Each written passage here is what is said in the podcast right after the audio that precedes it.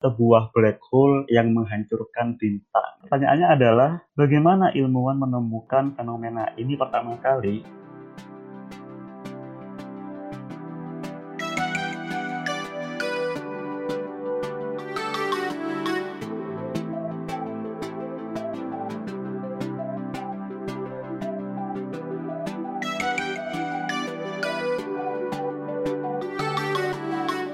Oke, halo semuanya. Di sini saya akan men- menceritakan mengenai fenomena yang ditangkap oleh ilmuwan pada bulan Januari tahun ini, yaitu untuk pertama kalinya NASA menangkap citra sebuah black hole yang menghancurkan bintang. Nah, apa yang sebenarnya terjadi? Fenomena ini dinamakan sebagai peristiwa gangguan pasang surut yang ada kaitannya dengan gravitasi, sebuah fenomena umum yang terjadi di antara dua benda langit yang memiliki massa besar. Tentunya punya gravitasi yang besar juga kan, dan ini saling berinteraksi secara khusus satu sama lain. Nah, pada kasus ini, sebuah bintang tentu saja dengan massa yang sangat besar bergerak terlalu dekat melewati black hole karena gravitasi yang sangat besar, hole ini kemudian menarik bintang tersebut dengan kekuatan yang ekstrim sehingga membuat bintang itu terkoyak, membengkak mengempis kayak tir, kayak uh, kayak misalnya megang ban kalian kembang kempisin atau mungkin kayak pai kali ya, pai yang kalian tarik ulur lalu terurai menjadi aliran-aliran gas. Sebagian masa bintang ini yang kini telah menjadi debu-debu atau gas-gas interstellar terurai atau terbental menuju luar angkasa yang bebas. Sebagian lainnya berputar dan berayun mengitari black hole membentuk a crescent disk. Nah, pertanyaan apa namanya? Pertanyaannya adalah bagaimana ilmuwan menemukan fenomena ini pertama kali?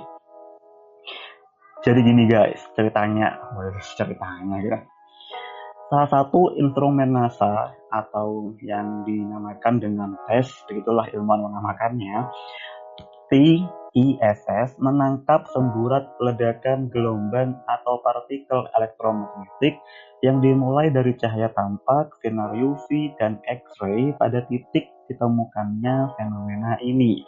Jadi mereka itu kayak nggak secara apa ya, kayak nggak sengaja nemuin uh, beberapa cahaya tampak, sinar UV, dan pokoknya gelombang elektromagnetik di suatu titik yang mana semburat ini tuh terlihat nggak biasa gitu loh. Nah, apa yang membuat nggak biasa sampai-sampai ilmuwan menaruh minat ke sana? Pertama-tama pengukuran semburat UV tersebut itu bersamaan dengan ditemukannya semburat lain yang seperti kayak meledak gitu loh, boom seperti itu. Dan tidak hanya itu saja, di titik itu, di titik ditemukannya fenomena semburat atau ledakan cahaya, cahaya, cahaya tersebut, terjadi penurunan suhu yang ekstrim pula.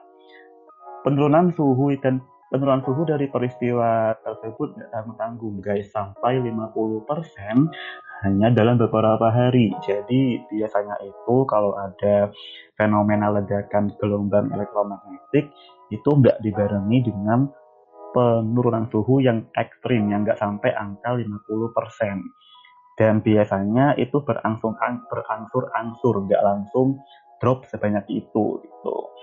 Nah, sebuah penemuan langka ini merupakan yang tadi kita sebut sebagai gangguan pasang surut gravitasi ini belum pernah terjadi sebelumnya. Dan atau memang belum pernah ditemukan sebelumnya. Aslinya untuk menangkap fenomena seperti itu butuh tidak sedikit instrumen penunjang.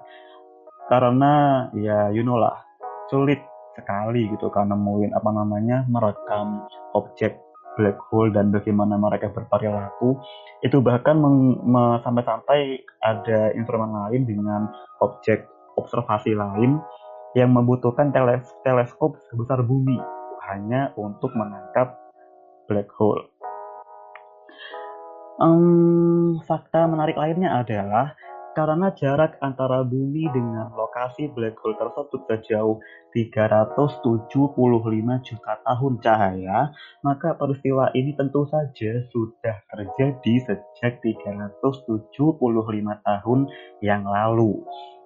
Maksudnya adalah cahayanya itu baru sampai ke kita sekarang saking jauhnya. Oleh, apa, oleh karena itu, kita tidak bisa mengatakan kalau kejadian ini terjadi saat ini karena faktanya terjadi pada zaman dinosaurus. Kala. Gimana? Bingung. Ya. Jadi intinya itu kejadiannya itu terjadi pada saat zaman dinosaurus. Namun karena cahaya ini dalam tanda petik lambat dalam skala kosmos maka baru nyampe ke kita sekarang. Padahal kejadiannya baru pada zaman itu. Well, mengapa ledakan semburat cahaya ekstrim tersebut diasumsikan sebagai fenomena black hole memakan bintang? Sejak sejak kira-kira teman-teman. Oke, kita akan bermain analogi ya. Coba kembali ke penjelasan yang sebelumnya. Apa yang kemungkinan terjadi ketika sebuah black hole tiba-tiba terang gitu loh? aneh sebuah black hole itu tiba-tiba terang gitu langsung uh, kayak ledakan cahaya gitu. Boom langsung terang gitu loh.